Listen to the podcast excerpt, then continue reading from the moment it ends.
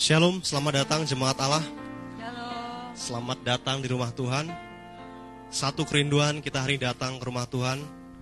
Kita mau datang untuk menyenangkan hati Tuhan. Amin. Selain itu kita rindu berjumpa dengan saudara-saudara kita. Tengok kiri kananmu. Tunjukkan wajah-wajah rindu kepada saudaramu, saudara. Amin. Bapak Ibu yang di rumah di mana pun kau berada, salam berjumpa juga. Bersama-sama kita hari ini mau datang pada Tuhan. Mari kita persiapkan hati kita, persiapkan keberadaan yang terbaik. Kita mau datang, kita mau berdoa. Tuhan kami bersyukur atas segala kebaikan dan kemurahan Tuhan dalam hidup kami. Sepanjang hidup kami, kami dapati Engkau setia ya Bapa. Engkau baik senantiasa dalam kehidupan kami. Pada pagi hari ini kami berhimpun, kami datang ke rumah Tuhan, hendak menyampaikan pujian penyembahan kami, hendak menyatakan syukur kepada Allah kami yang hidup. Terima kasih Bapak, terima kasih. Inilah kerinduan kami. Kami hendak bersyukur. Kami hendak menaikkan pujian kami. Terima kasih Bapak, terima kasih. Mari jemaat Tuhan, kita nyanyikan pujian kita. Kita naikkan syukur kepada Tuhan Allah kita. Karena dia baik, dia senantiasa baik. Sama-sama katakan. Aku hendak bersyukur pada Tuhan karena keadilannya dan bermasmur bagi nama Tuhan yang maha katakan dari awal aku hendak bersyukur. Aku hendak sebab adil segala jalannya. Keadilannya. Dan bermasmur bagi nama Tuhan. Yang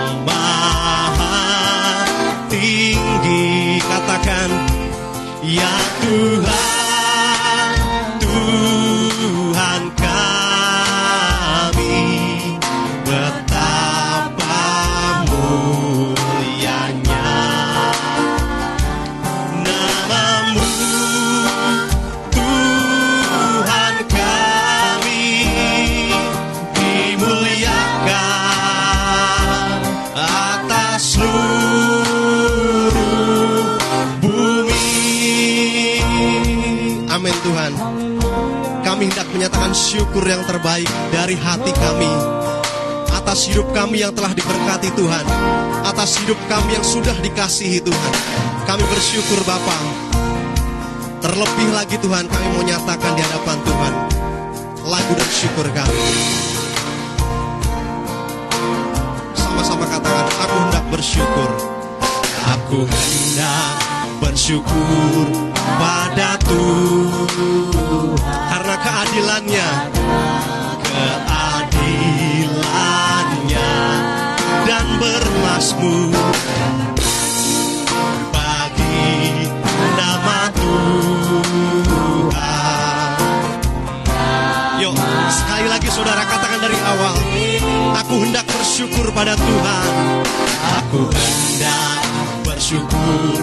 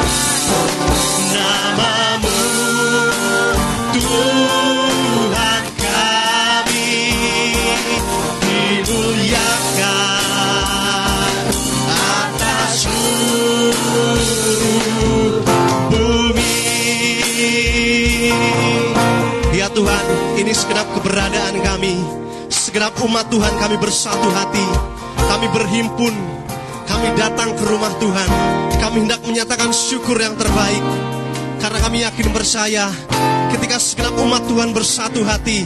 Kami bersama-sama menaikkan pujian kami. Tuhan Allah kami berkenan hadir. Tuhan Allah kami hendak menyatakan berkat atas kehidupan kami. Hendak menyatakan kelepasan atas hati kami ya Bapak. Terima kasih Bapak, terima kasih.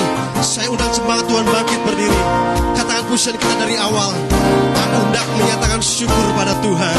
Aku hendak bersyukur pada Tuhan.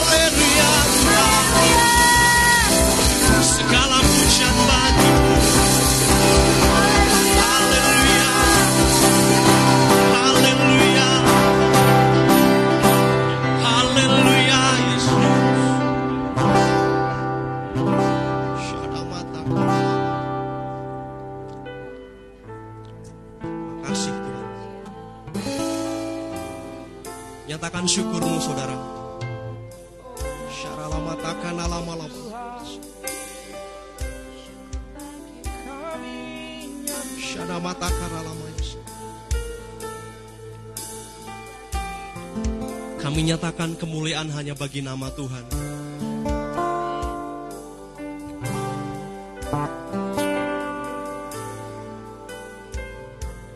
Terima kasih Bapa. Jiwa kami melimpah-limpah dengan ucapan syukur karena ajaib segala perbuatan Tuhan dalam kehidupan kami. Dalam hati kami, lidah bibir kami hendak menyatakan puji-pujian lagi, lebih lagi pada Tuhan kami. Terima kasih Bapak, terima kasih. Kami siap bergirang lebih lagi. Kami hendak menyenangkan Tuhan. Dalam nama Yesus, segenap umat Tuhan katakan sama-sama. Amin. Amin. Berikan tos kiri kananmu, siap beri yang terbaik. Silakan duduk sejenak saudara. Mari bersama-sama kita masuk gerbangnya dengan hati yang penuh ucapan syukur. Halamannya dengan penuh pujian. Haleluya.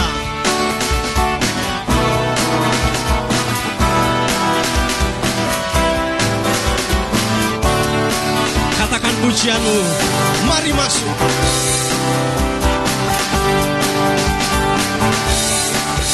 Mari masuk gerbangnya dengan hati bersyukur halamannya pujian penuhi bait Allah penuhi baiknya dengan nyanyian syukur hadiratnya sekali lagi saudara. Mari masuk gerbangnya. Mari masuk gerbangnya. Dengan hati bersyukur.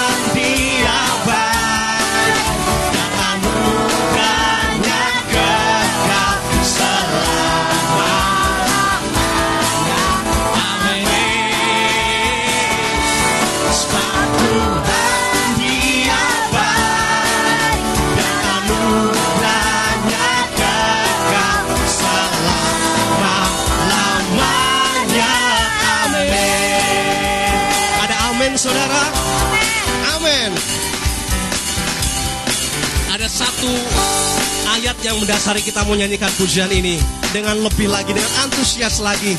Dalam Mazmur 100 ayat yang kedua. Beribadalah kepada Tuhan dengan sukacita.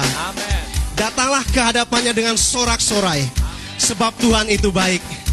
Kasih setianya untuk selama-lamanya dan kesetiaan Tuhan itu sampai turun temurun, sampai generasi kita selanjutnya, sampai anak cucu kita. Tuhan berjanji kasih setianya sampai turun temurun. Katakan amin. Yang rindu lebih lagi menyatakan syukur, pujian yang terbaik. Saya undang bangkit berdiri. Mari masuk gerbangnya. Mari masuk gerbangnya dengan hati bersyukur lawannya dengan pujian penuhi penuhi baitnya dengan nyanyian syukur. Hadiratnya penuh sukacita katakan sebab Tuhan. Sebab Tuhan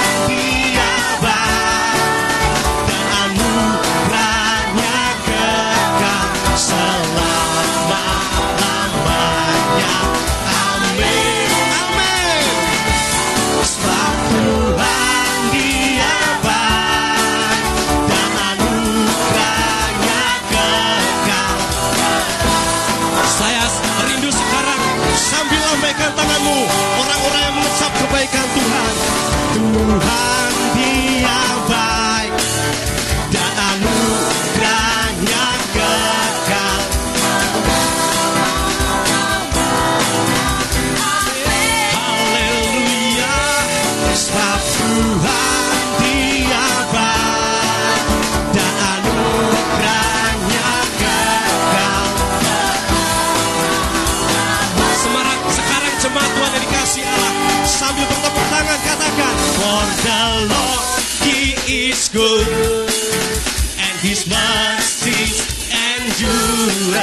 fora.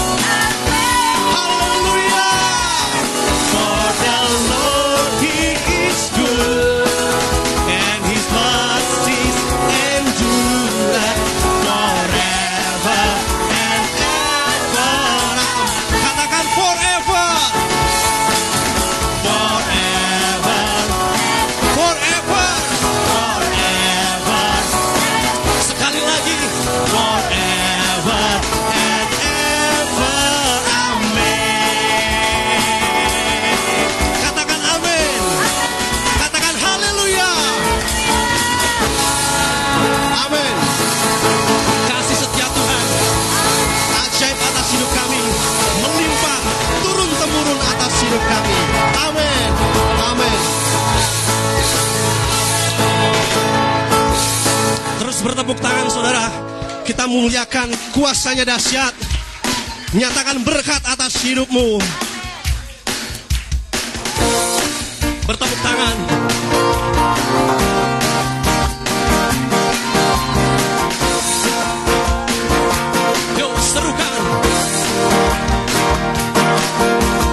Na na na na na na.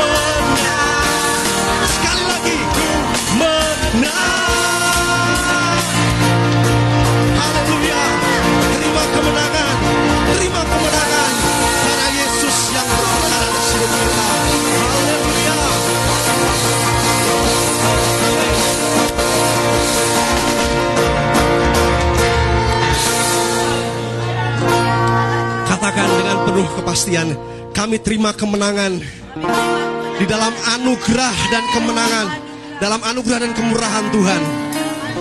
Amin. Amin. Makasih Yesus. Lebih lagi kamu nyatakan Tuhan kami hebat. Tuhan kamilah yang terbesar atas hidup kami.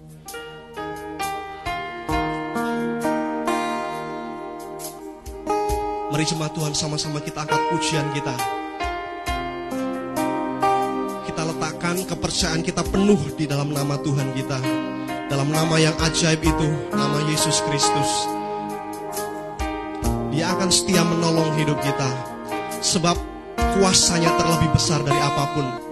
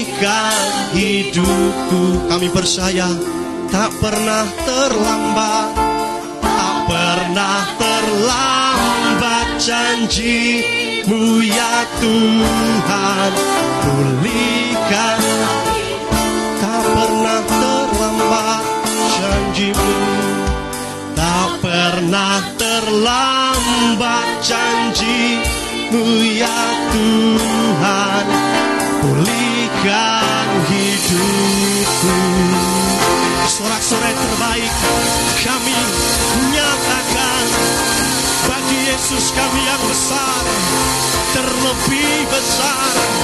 Haleluya. Oh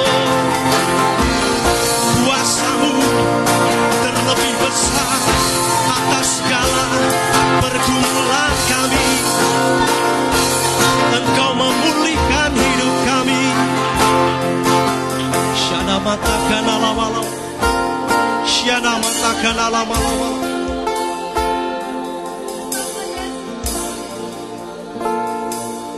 pernah terlambat pertolongan Tuhan. Menolong hidup kami Menolong keluarga kami. Syana mata kana lama lama lama. Syana mata kana lama lama lama. Iya nama na lama lama lama lama. Iya nama na lama lama lama lama. Oh.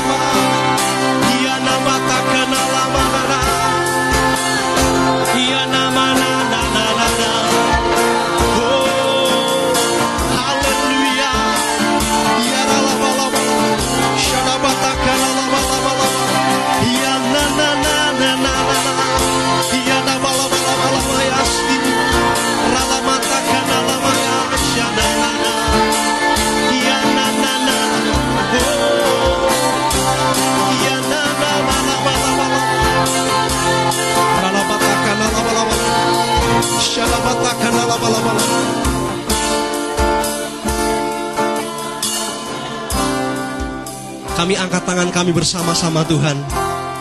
Kami nyatakan Yesus kami terlebih besar dari apa pun yang menjadi pergumulan kami, dari apa pun yang menjadi masalah kami, bahkan dari apa pun yang menjadi pencapaian kami.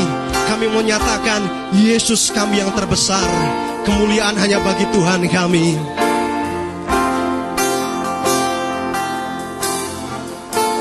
Yesus terlebih besar.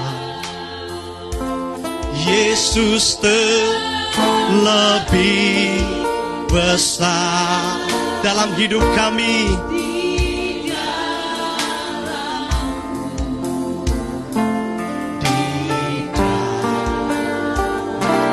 Kami nyatakan Yesus terlebih besar.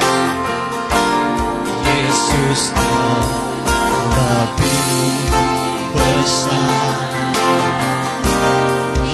Yesus terlebih besar di dalamku selalu lebih lagi saudara kuatkan hatimu. Percaya. Haleluya. Besar Yesus terlebih besar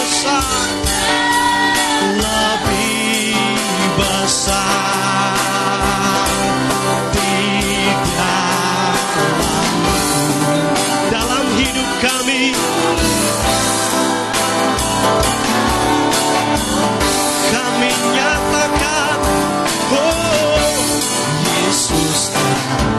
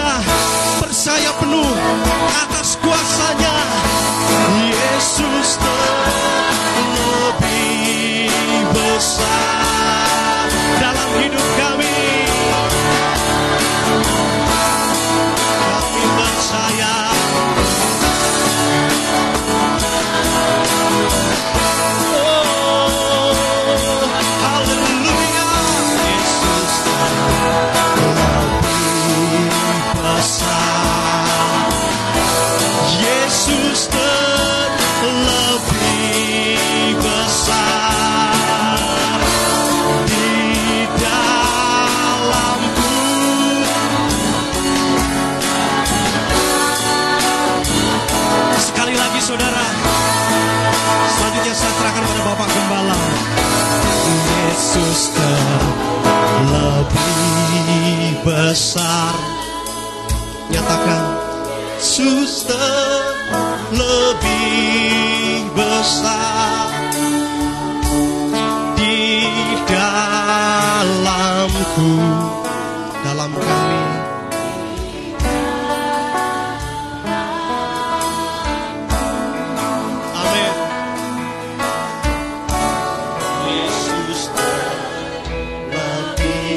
dengan segenap hati, Yesus terlebih besar.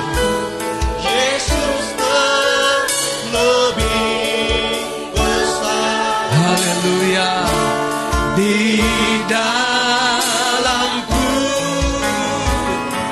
selama-lamanya. Ketika kita menghampiri Tuhan, tidak selalu jalan kita mudah. Ketika kita menghampiri Tuhan, tidak selalu jalan kita terbuka lebar. Itu sebabnya Tuhan disenangkan bukan sebatas karena upaya kita menghampiri Dia. Tetapi ketika kita tetap percaya di tengah jalan yang tidak mudah itu, kita akan tetap berjumpa dengan Dia dan mengalami kasih-Nya yang menjadi kebutuhan hidup kita.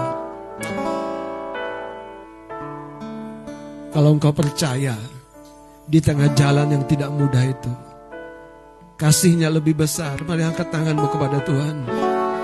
Angkat hatimu kepada dia. Lagi katakan, Yesus terlebih besar, Yesus terlebih besar. Haleluya. Yesus terlebih besar. Yesus terlebih besar di dalamku di dalamku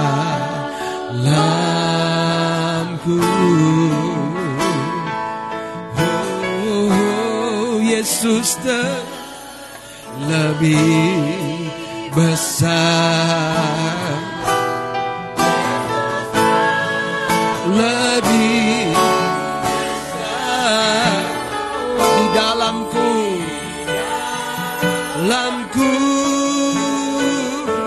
selama-lamanya. Terima kasih Tuhan biar pujian ini menjadi seruan kami yang sampai ke tahtamu. Pagi hari ini kami akan mengalami kehadiranmu yang membebaskan kami, yang menolong kami, yang menjadi jawaban bagi hidup kami. Di dalam nama Yesus Kristus sama-sama katakan, amin, amin, amin, amin. Haleluya, haleluya, haleluya, haleluya. Puji Tuhan, silakan duduk Bapak Saudara dan kasih oleh Tuhan. Saudara, waktu kita memuji menyembah Tuhan, masing-masing kita datang secara pribadi sekalipun kita bersama-sama di dalam jemaat memuji menyembah Tuhan. Sebab segala sesuatunya, saudara, eh, terbuka di hadapan Tuhan. Itu sebabnya mari kita belajar bahwa dalam hubungan kita pribadi dengan Tuhan, hubungan kita tersebut adalah salah satu yang yang yang sangat-sangat penting untuk kita jaga. Ketika kita tidak memiliki sebuah keterhubungan pribadi dengan Tuhan, apa pun yang orang katakan itu akan seperti satu kontradiksi di dalam pemikiran kita. Kontradiksi di dalam iman kita. Sepertinya tidak bersesuaian. Kita akan berpikir ah, harusnya nggak begitu, harusnya nggak begini.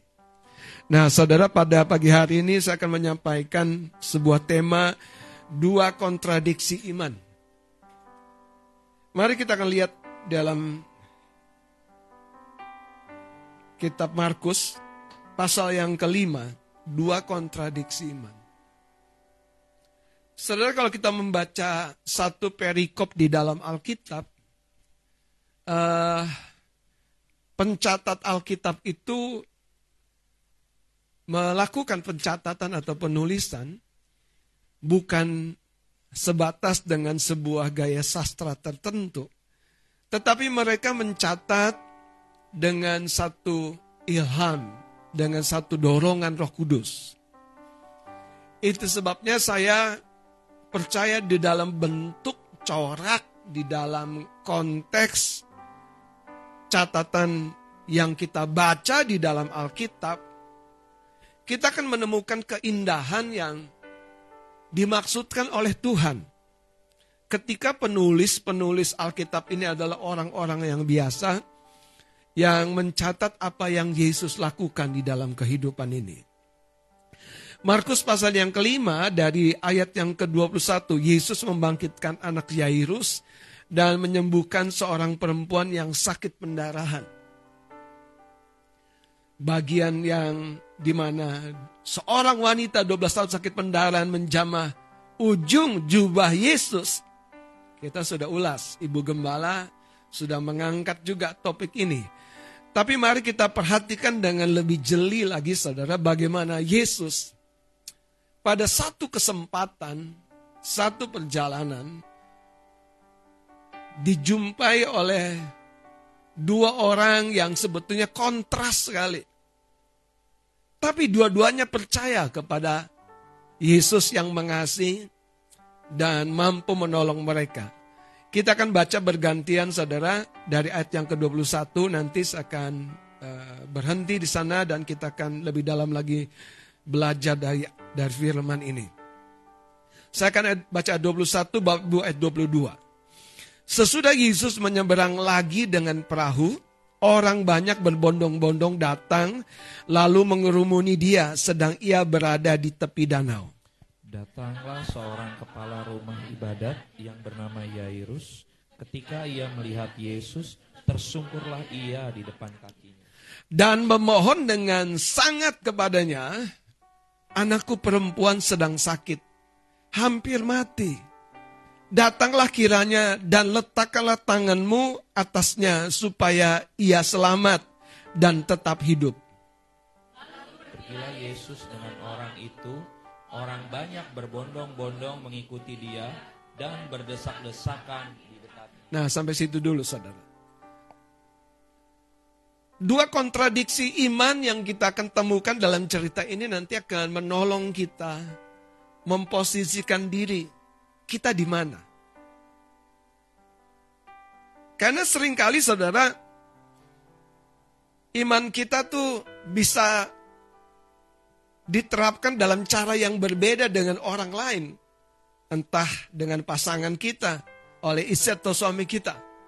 Sehingga kita berpikir, orang ini pasangan kita atau saudara iman kita tidak percaya seperti yang kita percaya. Tapi pada kenyataannya, Tuhan bersedia menolong dengan cara apa pun kita percaya kepada Dia. Karena sebetulnya dia melampaui metode. Dia melampaui cara-cara yang kita pikir menjadi sebuah jalan. Masalahnya adalah apakah semua cara-cara yang kita yakini itu adalah sebuah sebuah prinsip. Sebuah hal yang tidak bisa ditawar. Ada yang bisa disesuaikan, ada yang tidak bisa ditawar. Nah dalam cerita ini bagian yang pertama Alkitab mencatat seorang kepala rumah ibadat ayat 22. Namanya siapa? Yairus. Yang menarik adalah ketika ia melihat Yesus, tersungkurlah ia di depan kakinya. Nanti Anda kontraskan dengan seorang wanita yang 12 tahun sakit pendarahan ini. Kalau boleh saya ungkapkan langsung, sangat kontrasnya adalah yang pertama, Yairus. Seolah-olah penuh hormat, penuh kerendahan hati, tersungkur di hadapan Tuhan, mendekati Tuhan melalui penyembahan. Masalahnya kadang-kadang kita menyembah, tapi kita kekurangan iman di dalam penyembahan kita. Sementara ada orang yang datang kepada Tuhan bukan dengan penyembahan, penuh dengan iman, penuh dengan percaya. Itu yang membuat sering kali metode kita meleset karena hal yang prinsipnya kita tidak miliki. Mari lebih jauh lagi lihat, ketika Yairus tersungkur di depan kaki Tuhan, ayat 33, dan memohon apa? dengan sangat. Anakku perempuan. Saudara seorang seperti apa yang datang kepada Tuhan memohonkan dengan sangat permohonannya. Ini yang saya coba terjemahkan ketika kita punya kebutuhan. Kadang-kadang saudara, hanya dengan mengucap syukur kita melihat keajaiban. Hanya dengan bahkan memberkati orang lain, kita melihat jawaban buat kita. Sekarang pertanyaan di mana? Kenapa? Di sini kita harus tahu Tuhan yang sama yang mengerjakan berbagai-bagai keajaiban, dia digerakkan oleh iman, katakan oleh iman. Bahkan yang menarik bukan oleh air mata. Air mata tanpa iman, ya saudara itu namanya nangis bombay.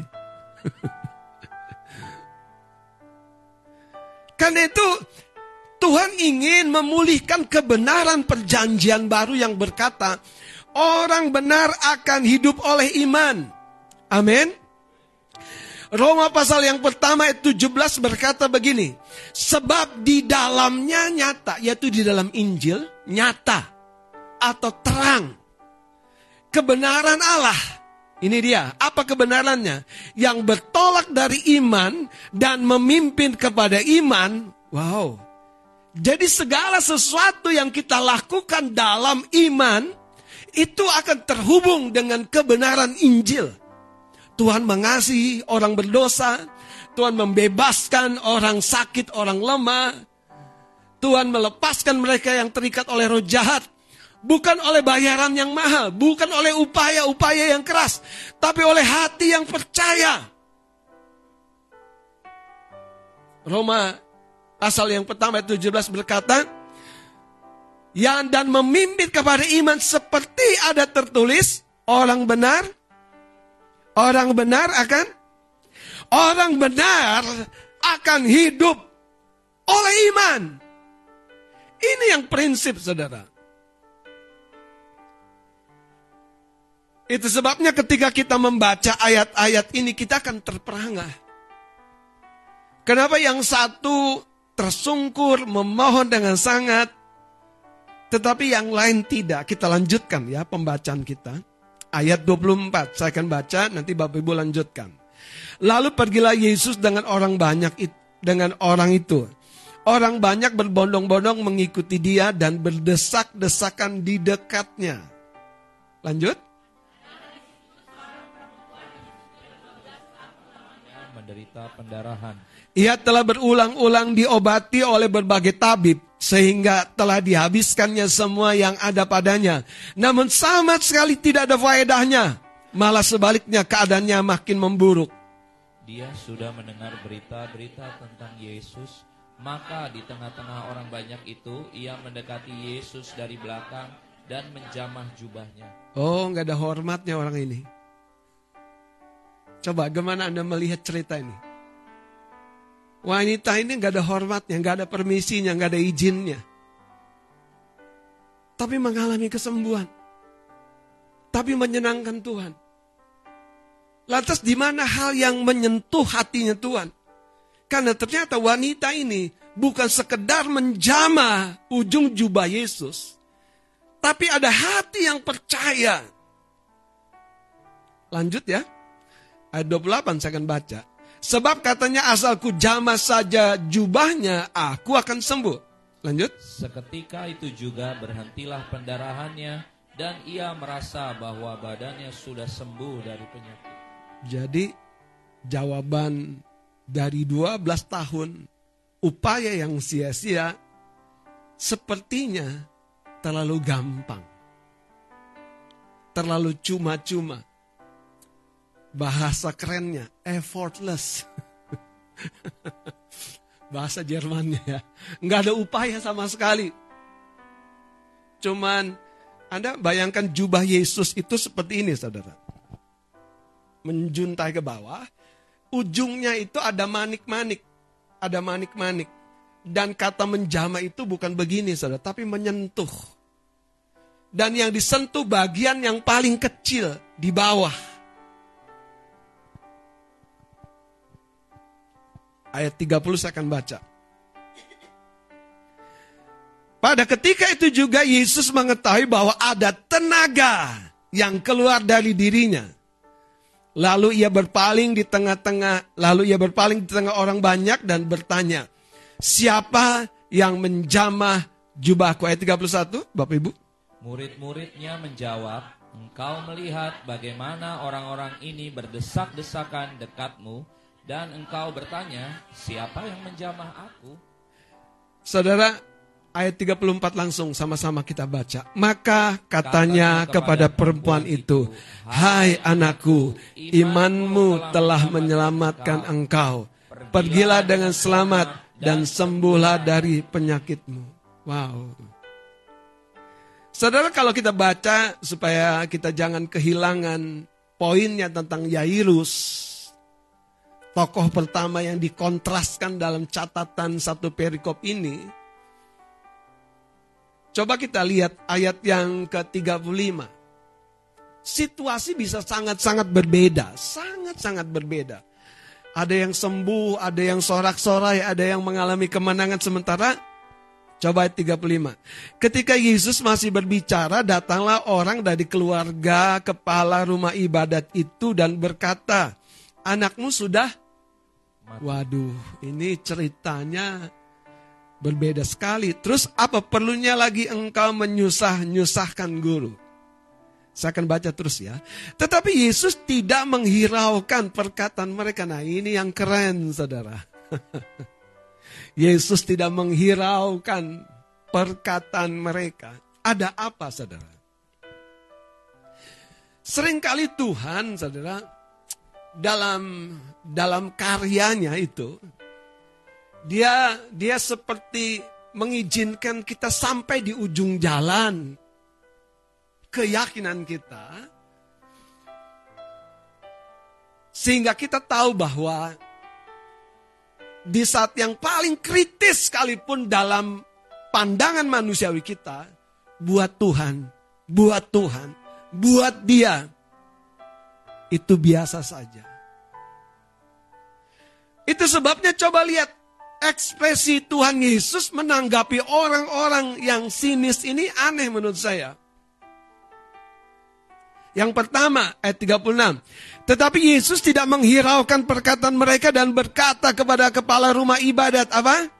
Jangan takut, percaya saja. Ini Tuhan yang kuatkan si kepala rumah ibadat yang punya kebutuhan ini. Coba Anda bayangkan, kalau Anda di keadaan itu. Harapan sudah tidak ada lagi, udah mati. Harapan sudah tidak bisa diulang lagi. Orang bilang nasi sudah jadi jadi bubur. Tapi sayangnya buat Tuhan tidak demikian. Sehancur-hancurnya kehidupan manusia buat dia yang menciptakan kehidupan. Tidak ada yang terlezukar. Tapi pertanyaannya buat kita adalah Berapa sungguhnya kita percaya kepada dia. Bahwa di setiap keadaan yang paling hancur pun, Tuhan mampu memunculkan harapan baru. Tuhan mampu memunculkan satu kesukaan yang baru di hadapan dia yang sedang bersama dengan kita. Yesus berkata, jangan takut, percaya saja. Nah, Coba lihat saudara, ayat 38, mereka tiba di rumah Yairus, orang sudah banyak nyanyi, nyanyi, nyanyi. Nyanyi apa? Nyanyi kedukaan. Ayat 39, saya baca dengan bahasa saya. Yesus masuk dengan cueknya. Saya baca dengan bahasa saya ya. Karena dia nggak menghiraukan orang-orang yang ribut ini. Ia masuk dengan cueknya dan berkata kepada orang-orang itu, "Mengapa kamu ribut dan menangis?" Coba ekspresi Tuhan, wajahnya gimana ya dia waktu bilang, "Anak ini tidak mati." Kira-kira apakah wajah Yesus meyakinkan? Saudara, gimana sih kita membaca hatinya Tuhan? Membaca sikapnya Tuhan, membaca maksudnya itu gimana sih? Coba bayangkan waktu Yesus bilang, anak ini tidak mati. Percaya nggak kita? Kalau Tuhan bilang sekarang nih, masalahmu tidak terlalu berat anakku. Percaya nggak? Perkataan yang keluar dari mulut seseorang yang mungkin kau tidak duga-duga. Percaya nggak? Di situ masalahnya, saudara. Kadangkala kita memenjarakan iman kita dalam konsep-konsep tertentu yang membuat justru kita tidak mengalami sepenuhnya yang memang sudah dia sediakan. Yang sudah dia sediakan. Yang sudah dia sediakan, saudara. Menarik. Mari kita lanjutkan. Ketika Yesus bilang anak ini tidak mati tetapi tidur, ayat 40, tetapi mereka mentertawakan dia. Inilah saudara yang sering kali menjadi perkara besar banyak orang yang belum mengenal Yesus. Sejauh mana kita mengenal Yesus itu? Yesus itu yang berkata anak ini tidak mati, tapi tidur. Oke, saya tuntaskan ayat 41. Ada satu perkataan yang dalam bahasa Ibrani dicatat tali takum yang artinya hai anak aku berkata kepadamu bangunlah. Simpel sekali ya. Ayat 42 seketika juga anak itu bangkit berdiri dan berjalan. Sebetulnya saudara, waktu Yesus berkata, Hai anak, aku berkata kepadamu, bangunlah. Tuhan sedang menyampaikan satu prinsip. Ketika kita menghampiri dia, apa pun pergumulan kita, dan bagaimanapun jalan yang kita bisa tempuh, yang pertama, kita harus memiliki satu iman yang bangkit, saudara. Iman yang bangkit. Kita tidak mungkin akan mengalami Tuhan yang sebetulnya selalu ada dan tidak bisa menyangkali kesetiaannya buat kita pribadi. Tidak bisa, dia tidak bisa menyangkali kesetiaannya kepada setiap kita di tempat ini. Tidak bisa saudara. Bahkan tidak mungkin. Tidak ada dalam kamus Tuhan. Dia berkata aku akan meninggalkanmu. Sekalipun kau sudah sejatuh-jatuhnya. Tidak ada dalam kamus Tuhan. Sebab Alkitab yang berkata yang membuat kita ranggang dengan dia bukan dia. Yang membuat seolah-olah dia tangannya tidak terulur kepada kita adalah karena dosa pelanggaran kita. Tetapi matanya tetap tertuju kepada kita. Dalam cerita ini, ini yang saya mau hadapkan kepada kita semua. Bahwa bagi Tuhan tidak ada yang terlalu sukar. Masalahnya kita jangan, jangan sekali lagi mengedepankan hal-hal yang bukan prinsip menjadi sesuatu yang paling utama. Contoh nih, contoh ya kan, kalau Anda mau diberkati, ya kita harus nabur dulu dong. Itu sebagian dari kebenaran yang besar. Itu perlu dilakukan. Tapi kita tidak bisa katakan harus. Karena makna diberkati itu sendiri bisa luas artinya. Coba saya ajak saudara supaya paham. Dua kontradiksi iman ini sebetulnya sedang menyampaikan dua kebutuhan dalam hidup kita. Dan yang paling penting, Tuhan mampu memulihkan perkara-perkara yang lama, yang 12 tahun, yang sepertinya tidak ada solusi, yang sepertinya tidak menemukan sebuah jalan, Tuhan mampu, aneh ya, perkara yang 12 tahun tidak ketemu jalan, justru selesainya gampang sekali. Gampang sekali. Gampang sekali. Tapi perkara yang baru terjadi, itu perlu Yesus datang dan diminta letakkan tanganmu. Pertanyaannya buat kita adalah, kita mau menghidupi jenis yang mana? Saya suka godain teman-teman yang datang ke ruang doa. Masalah itu sebenarnya bukan ruang doa yang pertama-tama. Ruang doa itu cuma fasilitas supaya kita bisa lebih dalam lagi berdoa. Makanya saya bilang gini, kalau teman-teman di rumah sukar berdoa dengan lebih dalam, lebih kusuk, bersuara lebih kencang, datang ke ruang doa.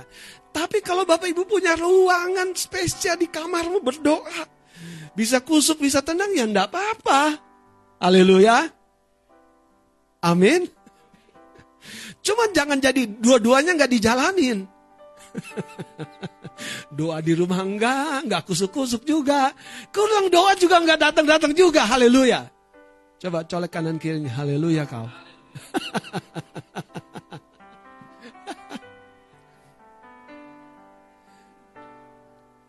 Saudara bayangkanlah dua kontradiksi ini. Ini apa? Tuhan tuh mau memecahkan apa yang terkonsep dalam diri kita. Yang sebetulnya bukan datang dari dia yang mempunyai kehidupanmu. Bukan.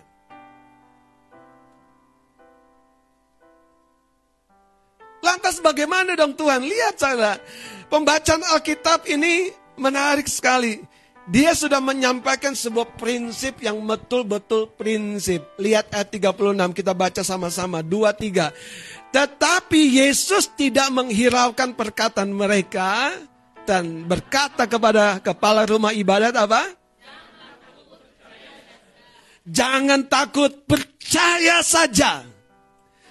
Ketika engkau dan saya mengalami Tuhan, percaya saja. Ketika engkau dan saya mendekati Tuhan, jalan yang mudah atau jalan yang sukar, percaya saja. Entah Anda sudah lihat awan sebesar telapak tangan itu kan kalau doanya Elia, atau belum, percaya saja. Betul nggak? Kadang-kadang kita tuh punya pakai metode, belum kelihatan tanda-tandanya Tuhan tolong. Gak usah lihat tanda-tanda, percaya saja. Apakah waktu anak Yairus dibangkitkan dan waktu Yesus berkata tali takum, apa kemudian yang terjadi? Ber, apa namanya? Shaking, goncang badannya. Anak ini bangun spontan. Yang saya mau sampaikan saudara, ketika hati kita membangun yang utama dalam bidang kebutuhan kita apa pun hari ini, alam rohani ini, alam surgawi ini ada di pihak engkau dan saya. Katakan amin. Di sana sudah tersedia segala berkat, segala pertolongan, segala perlengkapan yang kau butuhkan untuk di tahun-tahun mendatang. Amin. Masalahnya kalau kita tidak mendekati Tuhan dengan hati yang percaya, serepot apa pun, serumit apa pun, dengerin baik-baik. Sesaleh apa pun, Anda paham kata saleh? Itu yang biasa digunakan oleh orang agamawi. Dia selalu datang dengan dengan cara-cara membasuh kaki dan tangan. Ya kan, pakai jubah panjang. Kalau salaman, puji Tuhan. Haleluya. Saudara, sayang sekali saudara. Inilah sebetulnya kebenaran Injil. Tuhan mau mau mau bongkar kembali kebenaranku ini tidak boleh tertutupi oleh berbagai-bagai metode. Yesus berkata, "Jangan takut, percaya saja."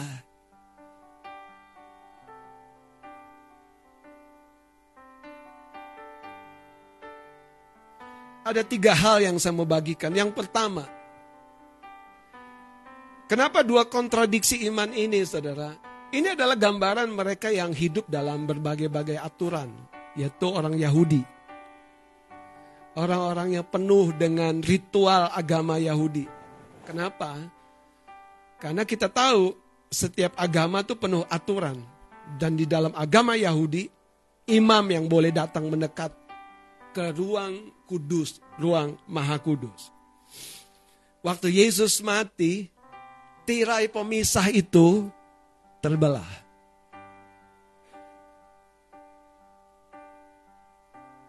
Saudara, di sisi yang lain sebetulnya Tuhan sedang menyampaikan bahwa aku datang sekalipun aku dari bangsa Yahudi, aku juga datang untuk orang-orang non-Yahudi. Ini sebenarnya apa? Gambaran orang-orang yang tidak mengenal aturan, tidak mengenal hukum, tidak mengenal jalan-jalan yang diwajibkan bagi orang Yahudi. Makanya ungkapan Tuhan tuh saya mau terjemahkan lebih sederhana. Kata percaya saja tuh artinya gini, percaya titik. Betul nggak sih coba? coba saudara lihat ayat 36. Karena kadang-kadang saudara kita kita meleset dari kata percaya. Ayat 36. Tetapi Yesus tidak menghiraukan perkataan mereka dan berkata kepada kepala rumah ibadat, jangan takut apa? Percaya saja. Percaya titik, percaya. Only believe.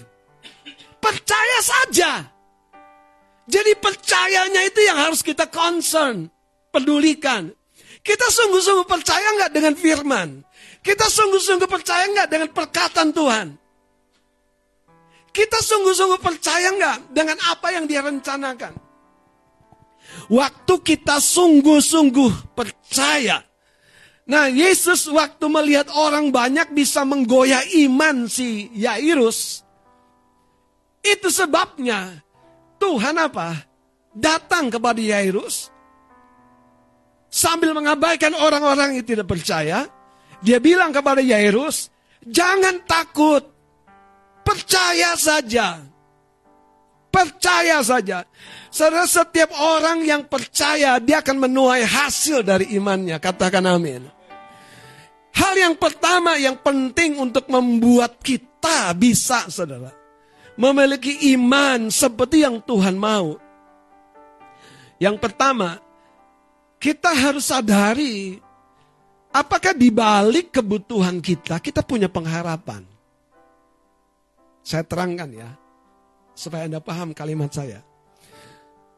Zakaria, orang tuanya siapa? Yohanes Pembaptis. Punya kebutuhan. Tapi sudah sekian lama usia tua, dia tidak percaya lagi. Dia tidak punya pengharapan lagi. Dia sudah menolak segala rumusan yang memungkinkan mereka menjadi suami istri yang dikaruniai anak. Sudah menolak. Gabriel makanya sampai bikin apa? Bisu sajalah kamu sementara. Bikin repot. Dibikin bisu mau. Haleluya. Coba apa kebutuhan kita dan apakah di dalam kebutuhan itu kita punya pengharapan? Apakah kita punya pengharapan? Kenapa saudara?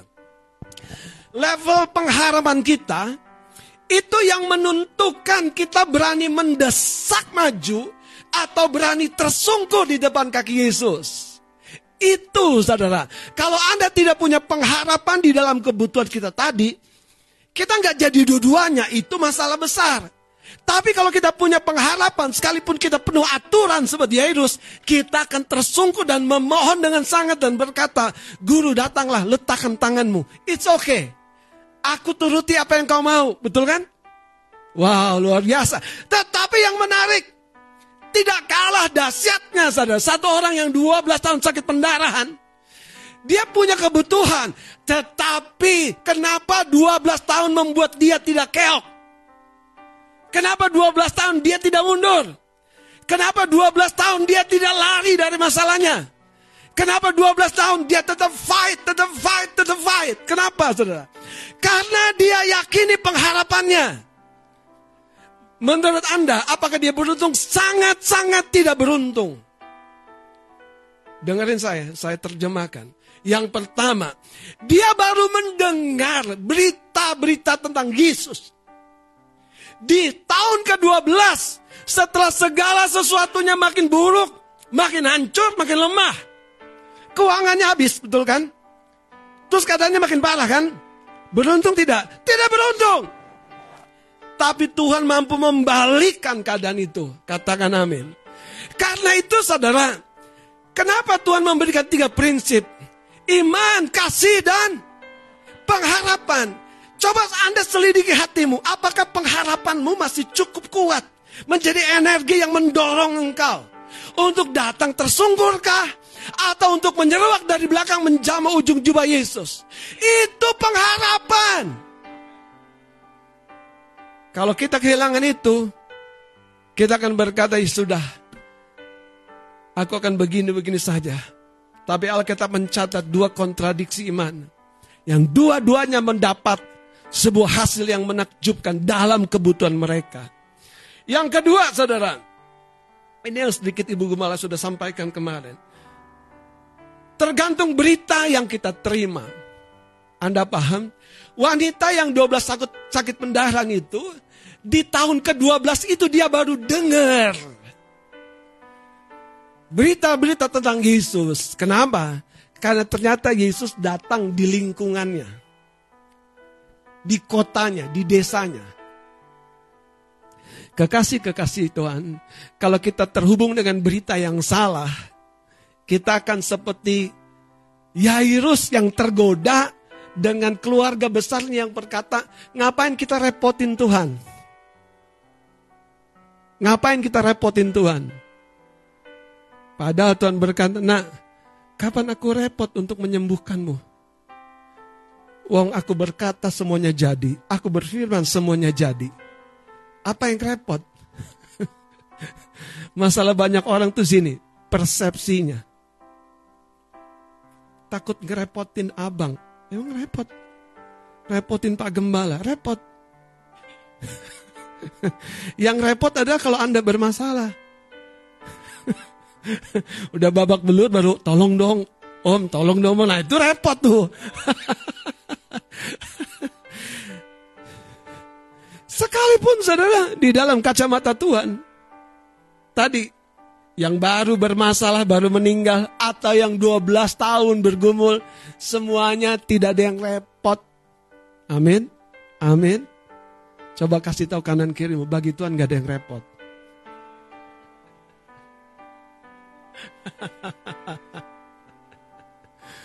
Saudara, kadang-kadang gini ya, kita tuh pengennya hidup tanpa masalah, betul nggak sih?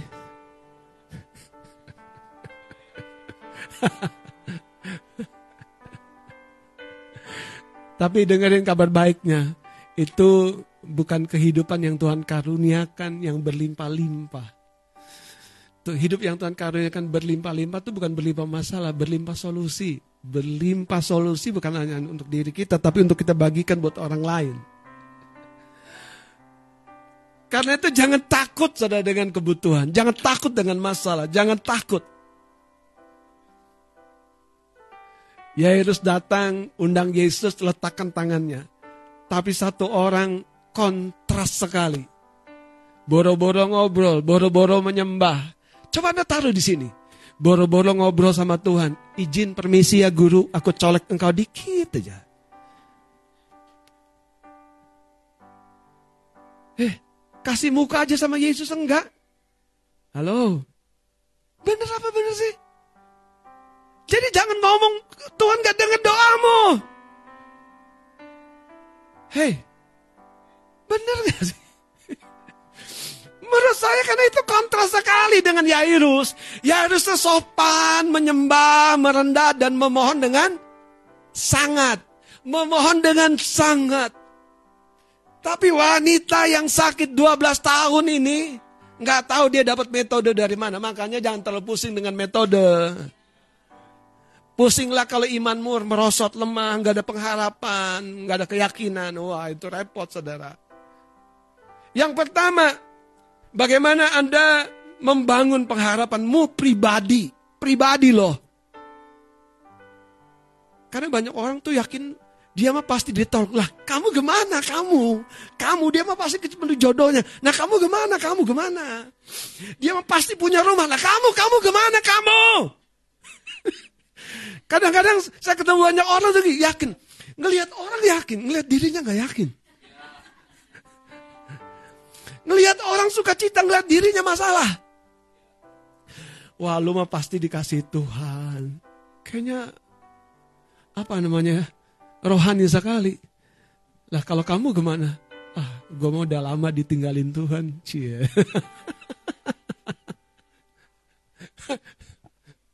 Saudara,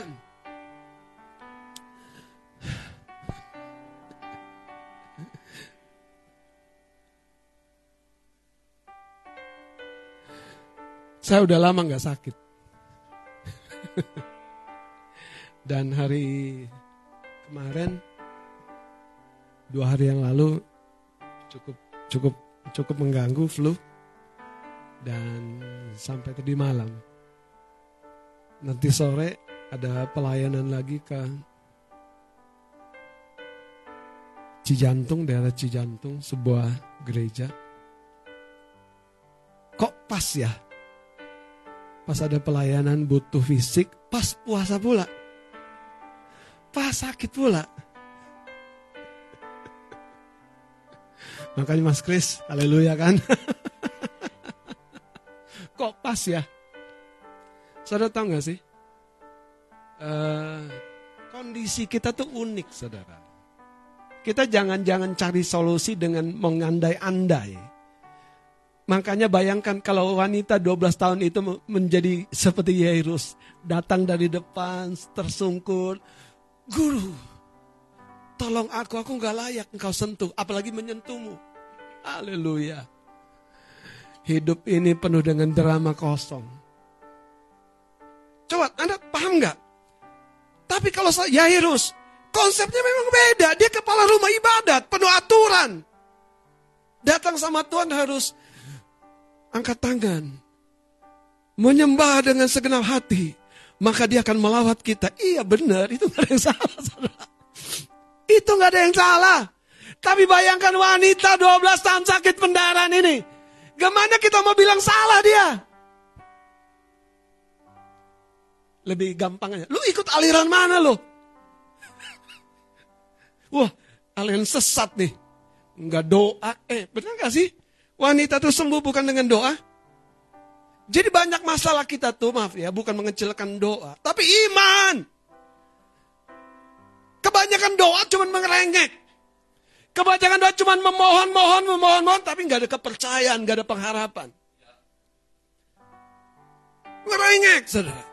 Tapi wanita ini sama sekali tidak memohon. Sama sekali tidak memberi muka sama Tuhan. Bahkan kalau Anda jadi muridnya Yesus, Anda akan apain tuh wanita itu? Enak aja kamu colong kuasanya Tuhan. kamu mencuri kuasanya Tuhan. itu kan bahasa-bahasa yang karena dia nggak permisi sama sekali. Tapi justru Yesus disenangkan. Wow. Anda mau jadi yang mana? Aku mau jadi Yairus aja sok. Coba colek kanan kiri. Kamu mau jadi Yairus atau wanita 12 tahun sakit pendarahan?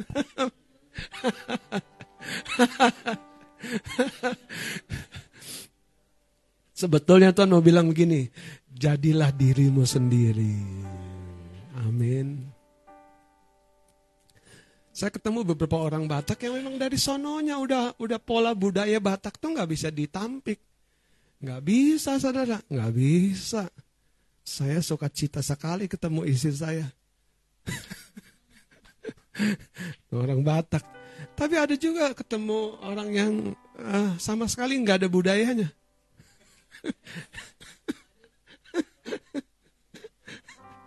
Tahu nggak yang nggak ada budayanya tuh? Itu namanya kanak-kanak. Mau kanak-kanak dari suku apa pun nggak ada budayanya, anak. Makanya kanak-kanak yang disukai Tuhan Yesus. Nggak ada izin, nggak ada permisinya. Ah, pokoknya peluk aja kakinya. Tomplok aja. Kita yang mana? Sekarang bagaimana engkau mengekspresikan imanmu? Aku nggak bisa doa bang. Aku tidur bertiga sama saudaraku di kamar. Eh, emang menurutmu doa itu gimana? Betul kan? Anda Yairus kan? Iya kan? Kalau doa harus kusuk satu kamar sendirian. Kalau doa harus tenang, tenang, tenang. Harus setel musik dulu, lembut, lembut, lembut. Coba, atau Anda wanita 12 tahun sakit pendaran. Dengar cerita tentang Yesus, percayai, melangkah, bertindak. Yang ketiga saudara, ini dia yang penting. Saya mau tutup di poin ini. Semuanya kembali lagi, makanya saya bilang jadilah diri kita. Jadilah diri kita. Saudara, saya kalau menyembah, ya bisa tanpa musik atau dengan musik. Tapi saat satu ketika kita lagi menyembah dalam roh, saya lagi main gitar, saya dicolek oleh seseorang, Papa, jangan main musik pak, kita lagi menyembah. Hah? Jangan main gitar, kita lagi menyembah.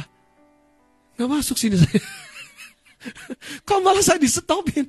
Ini di kebaktian anak muda waktu itu di sebuah gereja. Saya lagi me memuji menyembah, habis itu bermasmur gitu kan. Saya ngiringin pelan-pelan, eh saya di stop papa.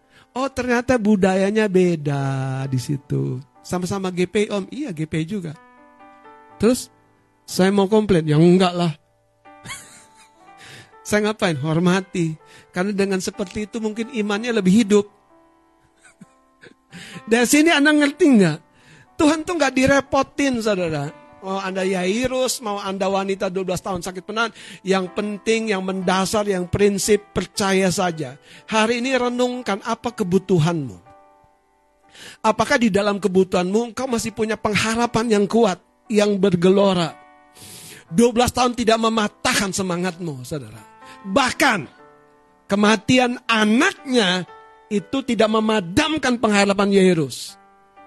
Yang kedua, saudara, anda harus pastikan berita-berita Injil yang kau terima. Apa konteksnya? Iman, pengharapan, dan kasih. Yang lainnya nomor dua, saudara. Mau Anda datang masih berdosa, setelah disembuhkan, kau justru bertobat. Itu Tuhan tuh ajaib, saudara. Karena dia Allah, dia Bapa. Yang sering menjadi masalah kita terjebak di antara dua kontradiksi ini. Hari ini mari kita akan baca sebagai penutup Ibrani 11 ayat ke-6. Mau Anda golongan Yairus, mau Anda golongan 12 tahun uh, wanita yang 12 tahun sakit pendarahan, siapa pun kita. Jalan bagi kemenanganmu sudah tersedia, amin. Jalan bagi kesembuhanmu sudah tersedia, amin. Jalan bagi terobosan dalam kehidupanmu sudah tersedia. Ibrani 11 ayat 6 kita baca sama-sama 2 3. Tetapi tanpa iman tidak mungkin orang berkenan kepada Allah. Sebab barang siapa berpaling kepada Allah, ia harus percaya bahwa Allah ada dan bahwa Allah memberi upah kepada orang yang sungguh-sungguh mencari Dia. Saudara, tantangan kalau kita flu adalah sulitnya kita menyembah, memuji Tuhan. Itu tantangan.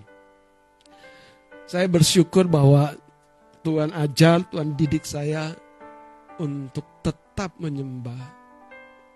Membuka suara. Menaikkan syukur.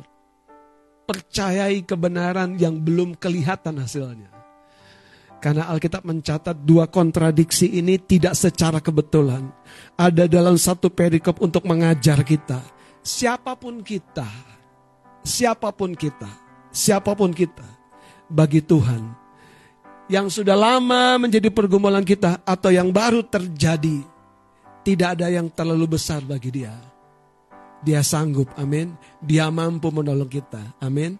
Mari kita bangkit berdiri.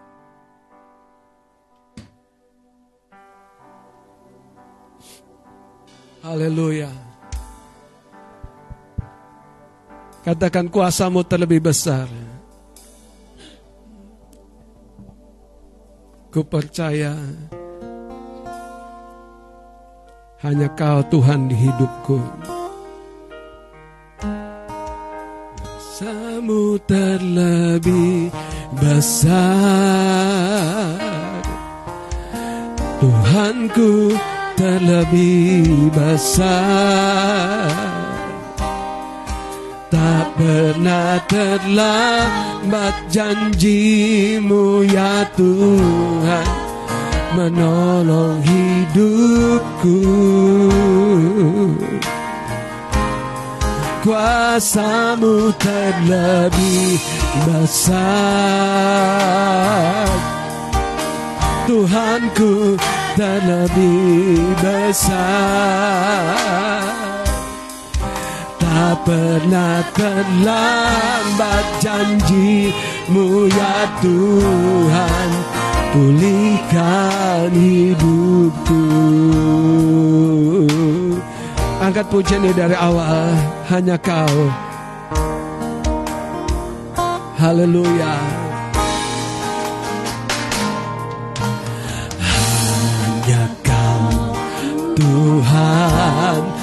penolongku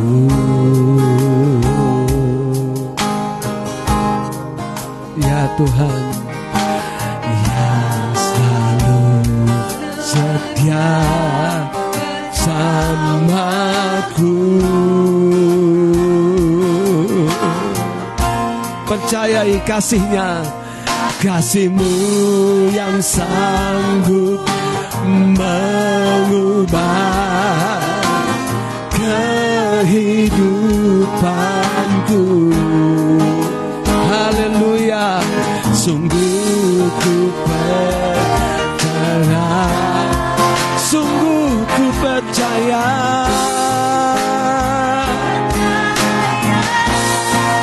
Kuasamu terlebih Oh, Tuhanku terlebih besar Tak pernah terlambat janjimu ya Tuhan Menolong hidupku kuasamu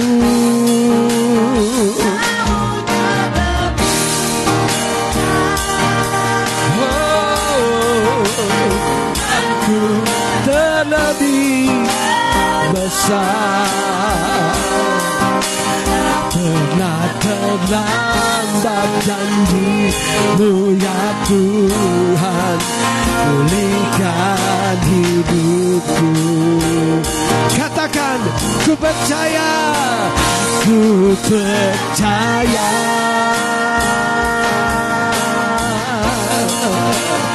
Kau bekerja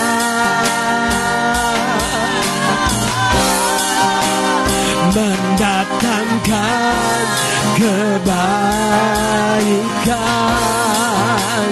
di hidupku.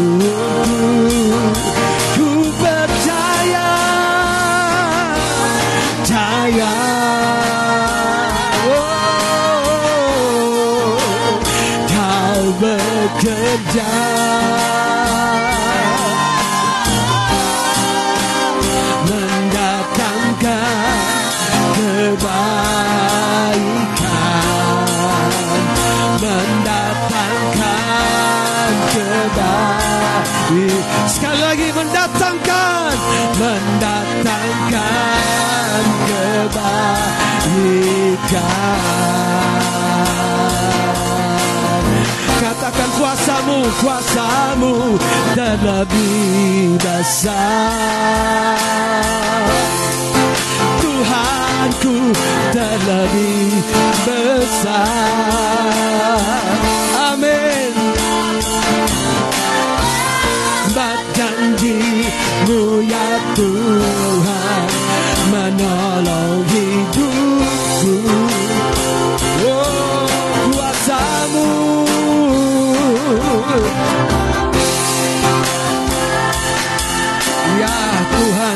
Tuhan, ya Tuhan.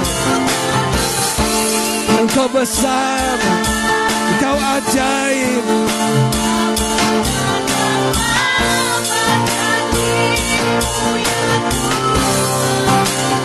Berikan hidupku. Saudara, sebentar. Dalam dua cerita ini, Yairus anaknya sakit keras dan akhirnya meninggal. Dalam cerita di perikop yang sama ini, wanita yang 12 tahun sakit pendarahan, habis uangnya, penyakitnya semakin parah. Saudara, ini ini saya mau mau bagikan gini, saudara. Jangan berpikir Tuhan mau menolong sampai kau parah dulu, enggak gitu. Karena sekali lagi saudara, masalahnya adalah di keyakinan kita, di persepsi kita tentang dia.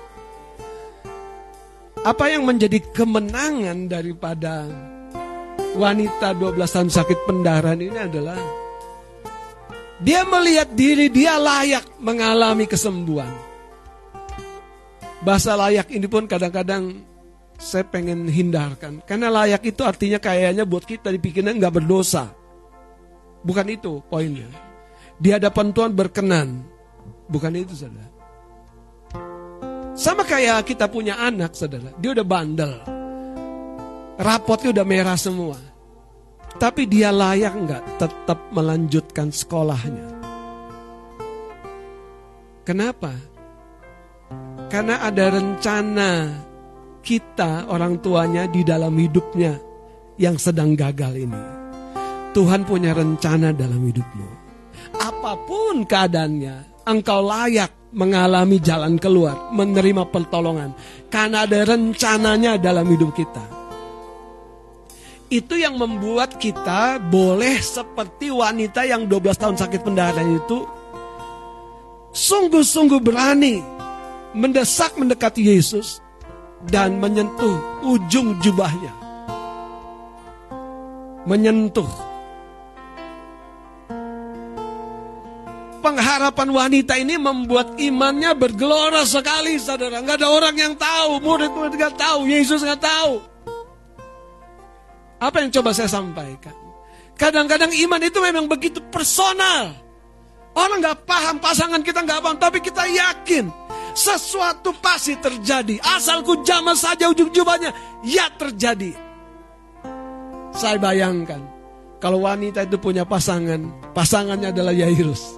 Kita harus menyembah dulu. Capek deh. Kita harus memohon dulu dengan sangat. Aduh, habis nafasku. Aku udah bengek begini. Anda tahu kan waktu dulu sangat benaran? Gak bisa saudara. Makanya yang Tuhan pedulikan adalah hati yang percaya saja. Mari hari ini bongkar. Izinkan hatimu kembali punya satu pengharapan iman yang kuat. Tahun ini tidak kelewat tanpa perubahan besar terjadi dalam hidupku. Tahun ini tidak akan berganti tanpa perubahan besar terjadi. Percayanya kepada Tuhan Yesus itu yang menolong kita. Amin. Kuasamu terlebih besar. Mari angkat tanganmu percayai Tuhan yang berpihak kepada kehidupanmu. Percayai Yesus yang berpihak kepada kehidupanmu. Dia tidak pernah terlambat. Dia tidak pernah berlambat-lambat. Dia tidak pernah menunda-nunda. Dia selalu siap sedia. Haleluya, haleluya. Urashikarata kurobosaka nalamakadada. Kina masakara alamatara sakara.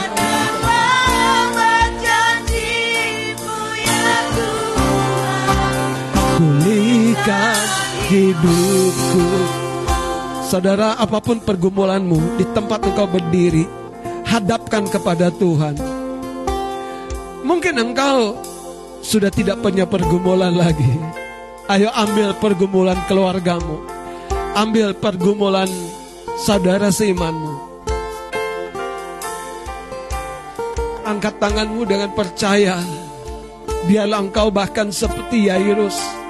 Kondisinya sudah tidak memungkinkan, tetapi Yesus yang berkata percaya saja. Biarlah engkau seperti wanita yang 12 tahun sakit pendarahan. Di tubuhku tidak ada lagi kekuatan, tapi aku tetap percaya. Berdoalah di tempatmu masing-masing untuk pergumulanmu. Jangan ada kata menyerah. Jangan ada kata mundur. Jangan ada kata nanti. Teruslah berharap, teruslah percaya. Teruslah berharap, teruslah percaya. Sakarana matakana lama shikare da batakorobo. Shekerata korobo sakana la manara la manara nama. Hallelujah.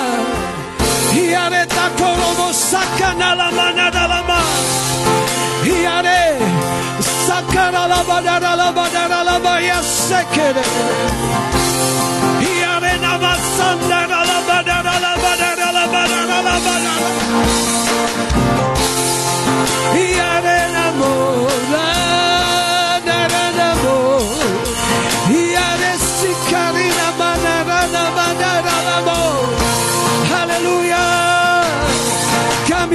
Percaya, kami percaya. Kau akan buka jalan.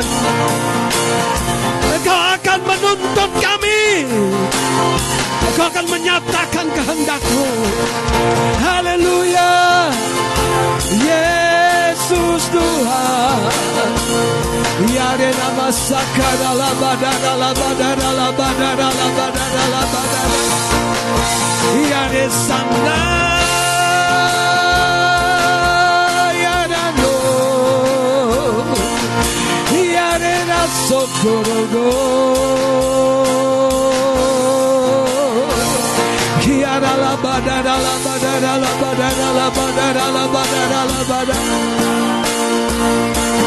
Sunday, Arena, Manana, Manana, Sunday, Arena, Sunday, Sunday, Yare, Cariado, Coro, Sunday, Nala, Manana, Yare, Yara, Yare, Yare, Sikara, La Manana, Yare.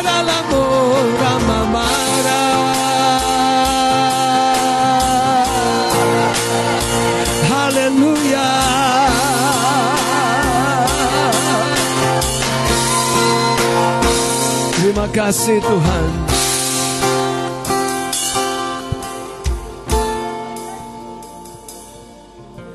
Saat ku tak melihat jalanmu Saat ku tak mengerti rencanamu Namun tetap ku pegang janjimu.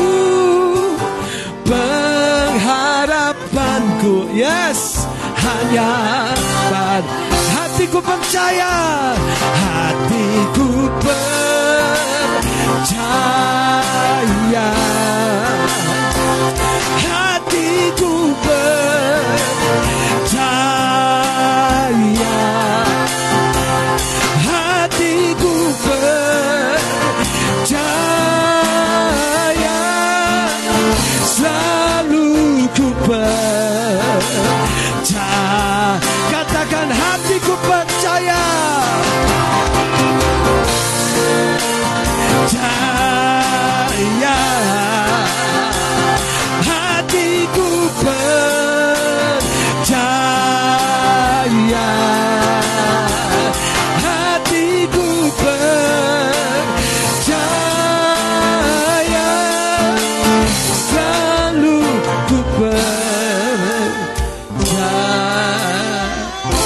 Ikuti doa saya.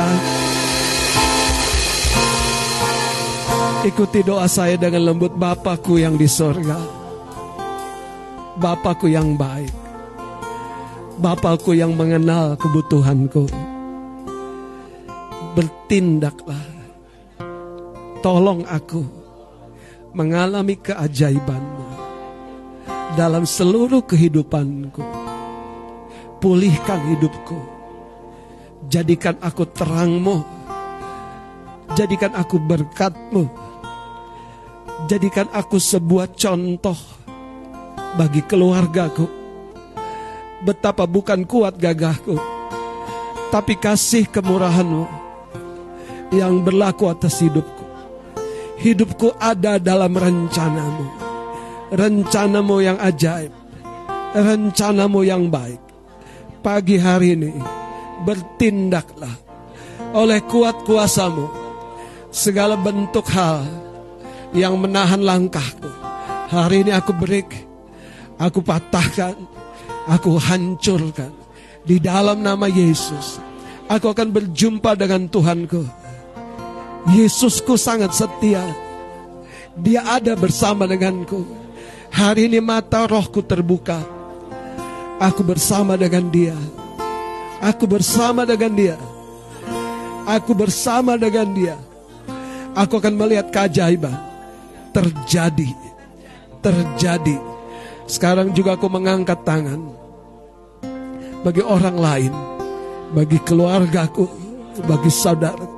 Lakukan keajaiban, lakukan Tuhan, lawat, jamah, bebaskan, sembuhkan, pulihkan di dalam nama Yesus. Di dalam nama Yesus. Di dalam nama Yesus.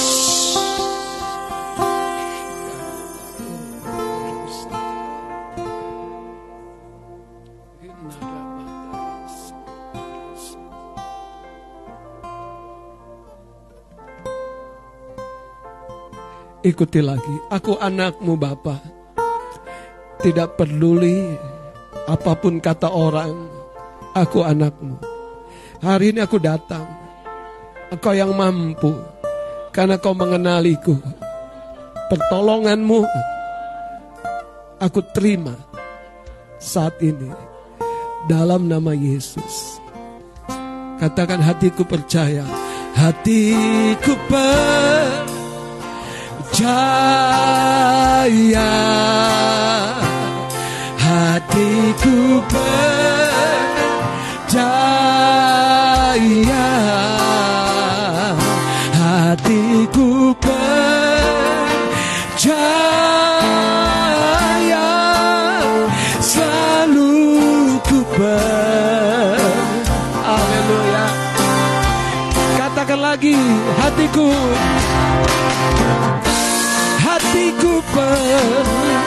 percaya hatiku percaya.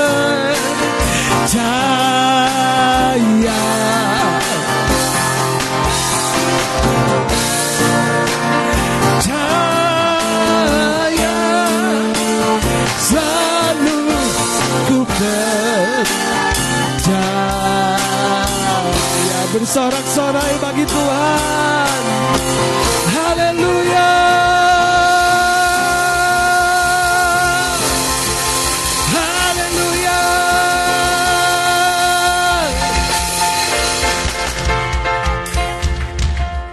Sekali lagi katakan sama-sama aku percaya keajaiban sedang terjadi di dalam hidupku.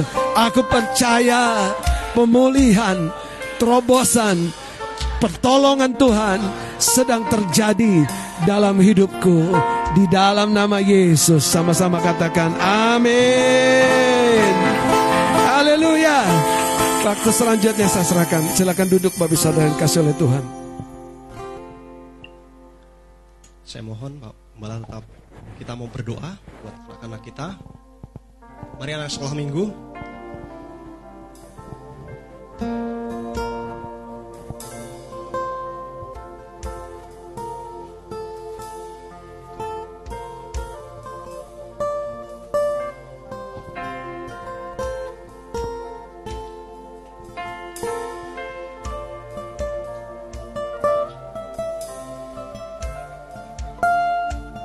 Kita akan berdoa bagi anak-anak kita ya. Haleluya. Sementara kami berdiri di hadiratmu, demikian pula anak-anak kami. Sementara hambamu menumpangkan tangan, biarlah berkatmu yang mengalir Tuhan di dalam nama Tuhan Yesus. Kasih sayang kebenaran turun berlimpah-limpah dalam nama Yesus. Pengertian dan takut akan Tuhan menyertaimu. Tuhan menyertai dengan hikmat kebenaran dan kasih sayang. Di dalam nama Yesus Kristus. Tuhan yang kuat, Tuhan yang hebat, Tuhan yang perkasa akan menjadi nyata dalam kehidupanmu. Di dalam nama Yesus pertolongan dan penyertanya tidak habis-habisnya di dalam hidupmu. Dia membangkitkan dan memberi engkau kasih dan pengertian. Dalam nama Yesus, Tuhan memberkatimu. Dituntunnya engkau di dalam jalan-jalannya. Dikenalkannya engkau dengan kasih sayangnya di dalam nama Yesus. Tuhan memberkati, mengasihi, melimpahkan. Dipeluknya, dijagai engkau, digendongnya di dalam nama Yesus.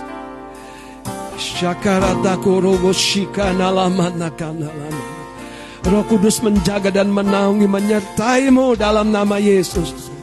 Kuasanya juga ada terus dalam setiap langkah-langkah kehidupanmu. Tidak dibiarkannya engkau melangkah sendiri. Karena Tuhan yang mengenal jalan-jalan kehidupanmu. Dia ada dalam setiap pergumulanmu di dalam nama Yesus. Tuhan memberkatimu. Tuhan mengasihimu.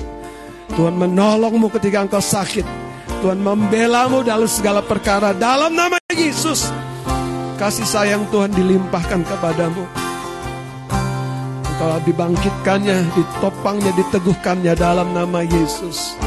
Tuhan yang menyertaimu, panjang sabar, murah hati. Dia berbelas kasihan, Dalam segala satunya dia ada bagimu di dalam nama Yesus. Tuhan memberkatimu. Tidak dilupakan yang kau. Di dalam nama Yesus. Biar kasih sayang berlimpah-limpah dicurahkan dalam nama Yesus. Terima kasih Allah yang setia, Engkau Tuhan yang mengasihi kami. Dari sejak kami masih remaja, kami kecil lemah tidak berdaya, tapi Engkau kuat, Engkau hebat, Engkau perkasa. Yesus Tuhan yang mengalahkan maut. Nyatalah kekuatanmu, kebenaranmu dalam hidup setiap kami. Di dalam nama Yesus. Engkau memberkati anak-anak kecil ini Tuhan. Engkau memberkati anak-anak remaja kami dalam nama Yesus. Ada-ada sekalian ikuti om berdoa ya Tuhan Yesus. Aku percaya kasihmu besar bagi kehidupanku. Aku akan mengalami pertolonganmu dalam setiap keadaan. Aku mengucap syukur karena aku dikasihi, aku dibela, aku disertai oleh penjagaanmu. Di dalam nama Tuhan Yesus, aku bersyukur. Amin, amin, amin, amin. Anak-anak yang di rumah, mari dampingi. Wah, kembali juga berdoa buat anak-anak yang di rumah. Baik, kita beruntuk anak-anak yang di rumah ya. Tuhan hambamu mengarahkan tangan ini kepada kamera. Tuhan memberkati setiap anak-anakmu di mana pun mereka berada. Kalau mereka bersama dengan orang tua, Tuhan memberkati mereka. Tuhan menjamah, Tuhan memberkati. Turun kasih sayangmu Tuhan turun Tuhan berkatmu sehingga dari sejak kecil mereka mereka tahu dikasih dijaga oleh engkau Tuhan kami mengucap syukur berkat ini terjadi kami terima dalam nama Tuhan Yesus haleluya amin amin, amin. Silahkan kembali adik-adik, anak-anak sekolah minggu. Puji nama Tuhan, saudari segarkan oleh kebenaran firman hari ini. Mau mode Yairus atau mode perempuan yang 12 sakit pendarahan itu, apa pun mode kita masing-masing, kuncinya iman percaya pada Tuhan. Kita mengalami kesembuhan, mengalami kelepasan, mengalami berkat mujizat. Amin. Saya akan sampaikan pengumuman pada hari ini. Minggu 27 Agustus kita bersyukur buat kita menyambut menyongsong ulang tahun gereja kita saudara. Dan di dalamnya ada satu gerakan doa puasa. Eh, ulang tahun gereja kita yang ke-26 akan diadakan minggu kedua September tanggal 10 saudara. Di tempat ini di rumah Tuhan di gereja Kebon Jeruk. Eh, dalam rangka acara ulang tahun gereja kita ini bagi jemaat yang rindu memberikan persembahan kesaksian lewat ujian mungkin atau apa pun itu mungkin atraksi atau apa pun. Boleh saudara. Sampaikan kepada Kak Ani sebagai Departemen Ibadah atau tim sekretariat Saudari Mei dan Kak Nani. Semangat saudara. Menyambut ulang tahun gereja kita. Dan terus semangat ada satu minggu satu putaran terakhir doa puasa kita. Terus antusias bagi saudara yang mungkin belum pernah ke sekretariat ikut doa mari jadwalkan mari rindukan kita datang seminggu lagi saudara jangan sampai terlewat puji nama Tuhan jika ada tambahan lagi Pak Gembala saya persilahkan Haleluya. Betul kata Mas Kris mau modenya mode Yairus. Modenya wanita 12 tahun sakit pendarahan yang penting datang ke sekre ya.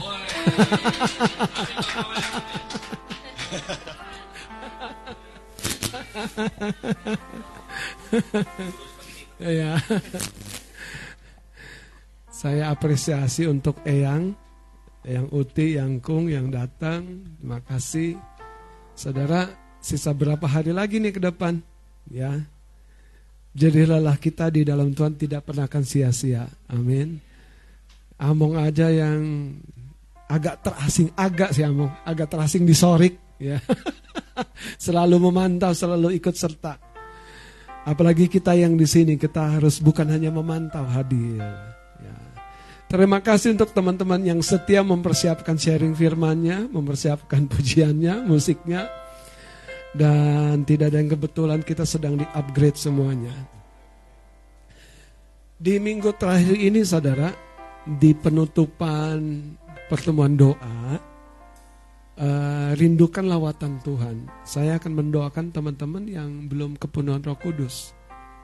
Jadi datang dan alami kepenuhan Roh Kudus di pertemuan doa di sekretariat. Bahkan Anda yang rindu, Om aku mau dong uh, ngalami karunia Roh Kudus, datang minta doa. Sekali lagi saudara, harapan kita tuh menentukan apa yang kita akan alami. Ya.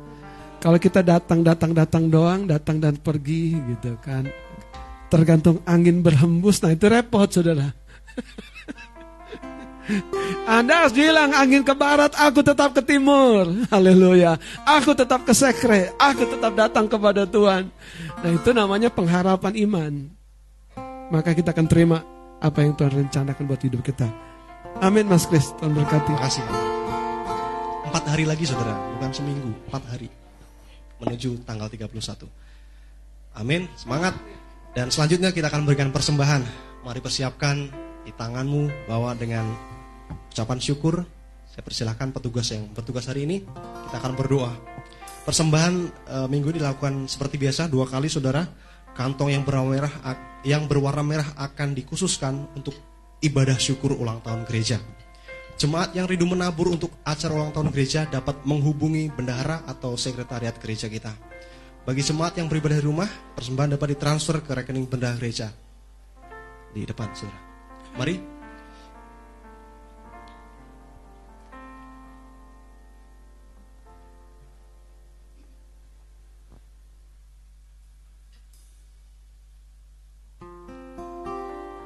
Mari kita bersatu dalam doa. Betapa kami bersyukur atas segala kemurahan Tuhan dalam hidup kami. Tiba saatnya pada ibadah kami siang hari ini Tuhan. Kami hendak membawa korban syukur, korban persembahan kami Tuhan. Kiranya Tuhan kuduskan, biarlah Tuhan lewat berkat persembahan kami Tuhan. Pekerjaan Tuhan makin diberkati, makin diluaskan Bapak. Berguna lebih lagi dan lebih lagi untuk pekerjaan Tuhan di rumahmu ini Bapak. Terima kasih Tuhan, Engkau yang terus setia memberkati segenap karya usaha segenap umat Tuhan. Dalam nama Yesus kami bersyukur segenap Tuhan petugas yang hari bertugas, segenap pelayan Tuhan berkati, anugerahkan kesetiaan Tuhan dalam kehidupan mereka. Dalam nama Yesus kami siap memberi dengan hati yang penuh ucapan syukur. Haleluya. Amin. Selamat memberi saudara, kita angkat ujian kita.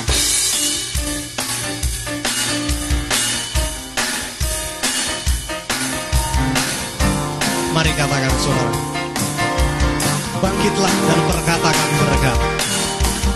Bangkitlah dan perkatakan berkat atas hidup kita, atas hidup yang diberikannya. Dengan pasti, dengan iman, nyatakan kekuatannya. Sekali lagi katakan, bangkitlah dan perkatakan berkat. Bangkitlah dan perkatakan berkat atas hidupmu yang diberikannya. Pasti, dengan iman, nyatakan kekuatannya, kedahsyatannya. Katakan kedahsyatannya. Kedahsyatannya tinggi hidupku Imanku berkata. Berkata. Tuhanku. Hebat Yesusku. Berkata kuat melangkah. Saya udah bangkit berdiri. Angkat pujian kita. Ku memuji. Ku bersorak Ku mengangkat tinggi panjinya. Panji kemenangannya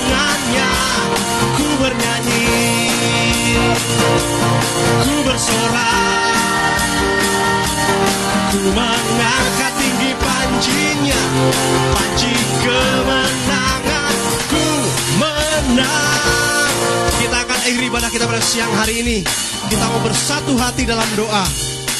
Tuhan tetap akan bersyukur atas kebenaran firman pada siang hari ini Tuhan. Kami diajari Tuhan untuk kami meletakkan iman pengharapan kami. Kami percaya Yesus kami dahsyat. Yesus kami yang bekerja atas setiap pergumulan kami. Kami berdoa terlebih lagi Tuhan buat ulang tahun gereja kami Tuhan yang ke-26. Kami bersyukur untuk setiap penyertaan Tuhan dalam kegerakan doa puasa memasuki minggu terakhir nih ya Bapak menuju 21 hari yang Tuhan tetapkan untuk kami jalani. Kami percaya banyak hal yang Tuhan terus kerjakan, Tuhan terus kerjakan. Bahkan Tuhan akan menyatakan janji bagi gereja Tuhan tergenapi. Kami akan terima bagi gereja tempat ini ya Bapak. Tuhan kami juga berdoa, Tuhan memberkati juga pemimpin kami, Bapak Ibu Gembala yang terus setia, terus setia mengembalakan kami umat-umatmu Tuhan. Kiranya Tuhan anugerahkan juga kesetiaan Tuhan melimpah-limpah dalam kehidupan Bapak Ibu Gembala kami. Terima kasih Tuhan, terima kasih. Kesehatan yang terbaik, kekuatan yang terbaik Tuhan. Ke mana pun dan di mana pun berada, Tuhan menyertai. Ada kuasa Tuhan terjadi di sana. Terima kasih Bapak, terima kasih. Kami juga berdoa untuk bangsa kami Indonesia. Kami mengasihi, kami berdoa, kami ambil bagian buat bangsa kami. Tuhan berkati juga kota kami Jakarta, Tangerang dan sekitarnya Bapak. Tuhan berkati udaranya, Tuhan berkati airnya, Tuhan berkati semuanya Tuhan. Dalam nama Yesus, Tuhan turunkan hujan atas kota kami. Tuhan segar kembali udara di, bang, di kota kami ya Bapak di dalam nama Yesus. Terima kasih Bapak, terima kasih. Tuhan terus bangkitkan, terus pulihkan kesehatan, ekonomi, pendidikan, bahkan kesejahteraan atas bangsa kami. Terima kasih Bapak, terima kasih mengakhiri ibadah kami siang hari ini. Kami mau terus nyatakan, kami percaya Tuhan Yesus kami hebat. Kami punya Tuhan yang dahsyat. Kami bertepuk tangan, kami nyatakan. Mari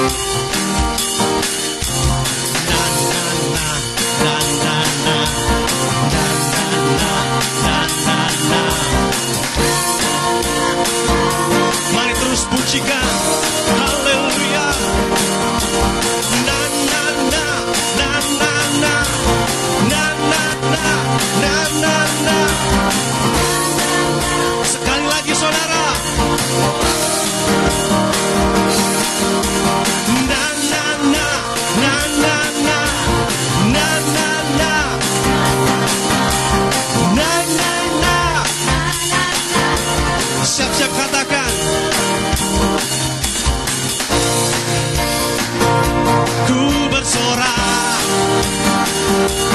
Ku mengangkat tinggi panjinya?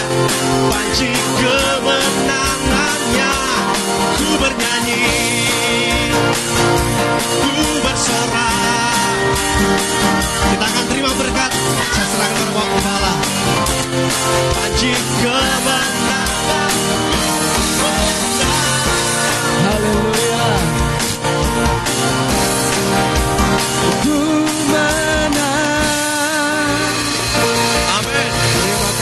Tuhan. Terima kasih Tuhan. Kita juga berdoa pada hari ini untuk Opa Umar yang kabarnya harus dibawa ke rumah sakit dan dalam hal ini Ibu Gembala sepertinya sedang berkunjung ke sana. Kita berdoa tanganmu Tuhan terulur. Maksud-maksudmu sempurna, caramu yang terbaik. Usia tua bukan halangan untuk mengalami kesembuhan. Karena akhir hidup kami, Tuhan percayakan kepada kami. Kami percaya hidup panjang, sehat, baik, kau berikan kepada setiap anak-anakmu. Apa pun keadaannya, kami mengangkat tangan, ulurkan Tuhan kuasamu kepada Opa Umar yang di rumah sakit. Tanganmu menyertai tangan Ibu Gembala, dan dari tempat ini kami angkat tangan kami juga Tuhan terulur. Kuasamu melawat, kuasamu menjamah. Di dalam nama Yesus, biarlah pulih, sembuh. Dan kalaupun opa harus berangkat kepadamu selamanya, biarlah dalam keadaan sehat dan bugar. Di dalam nama Yesus Kristus. Terima kasih Bapak. Kalau demikian kekasih-kekasih Tuhan, kita angkat lagi kedua belah tangan kita. Anugerah dan kasih kemurahan dari Allah dan Bapa di dalam surga. Cita kasih dan sayang dari Tuhan Yesus Gembala yang setia serta persekutuan Roh Kudus yang tiap-tiap hari, tiap langkah menyertai engkau. Tidak habis-habisnya mengangkat engkau dan berkata, Talitakum, bangkitlah, bangunlah. Biarlah iman pengharapmu tegak di dalam dia, engkau menerima bagian daripada rencananya terjadi dalam kehidupanmu. Berkat yang besar dan sempurna ini kita terima di dalam nama Tuhan Yesus Kristus. Haleluya, sama-sama kita percaya. Amin, amin, amin, amin. Selamat hari Minggu, Tuhan memberkati.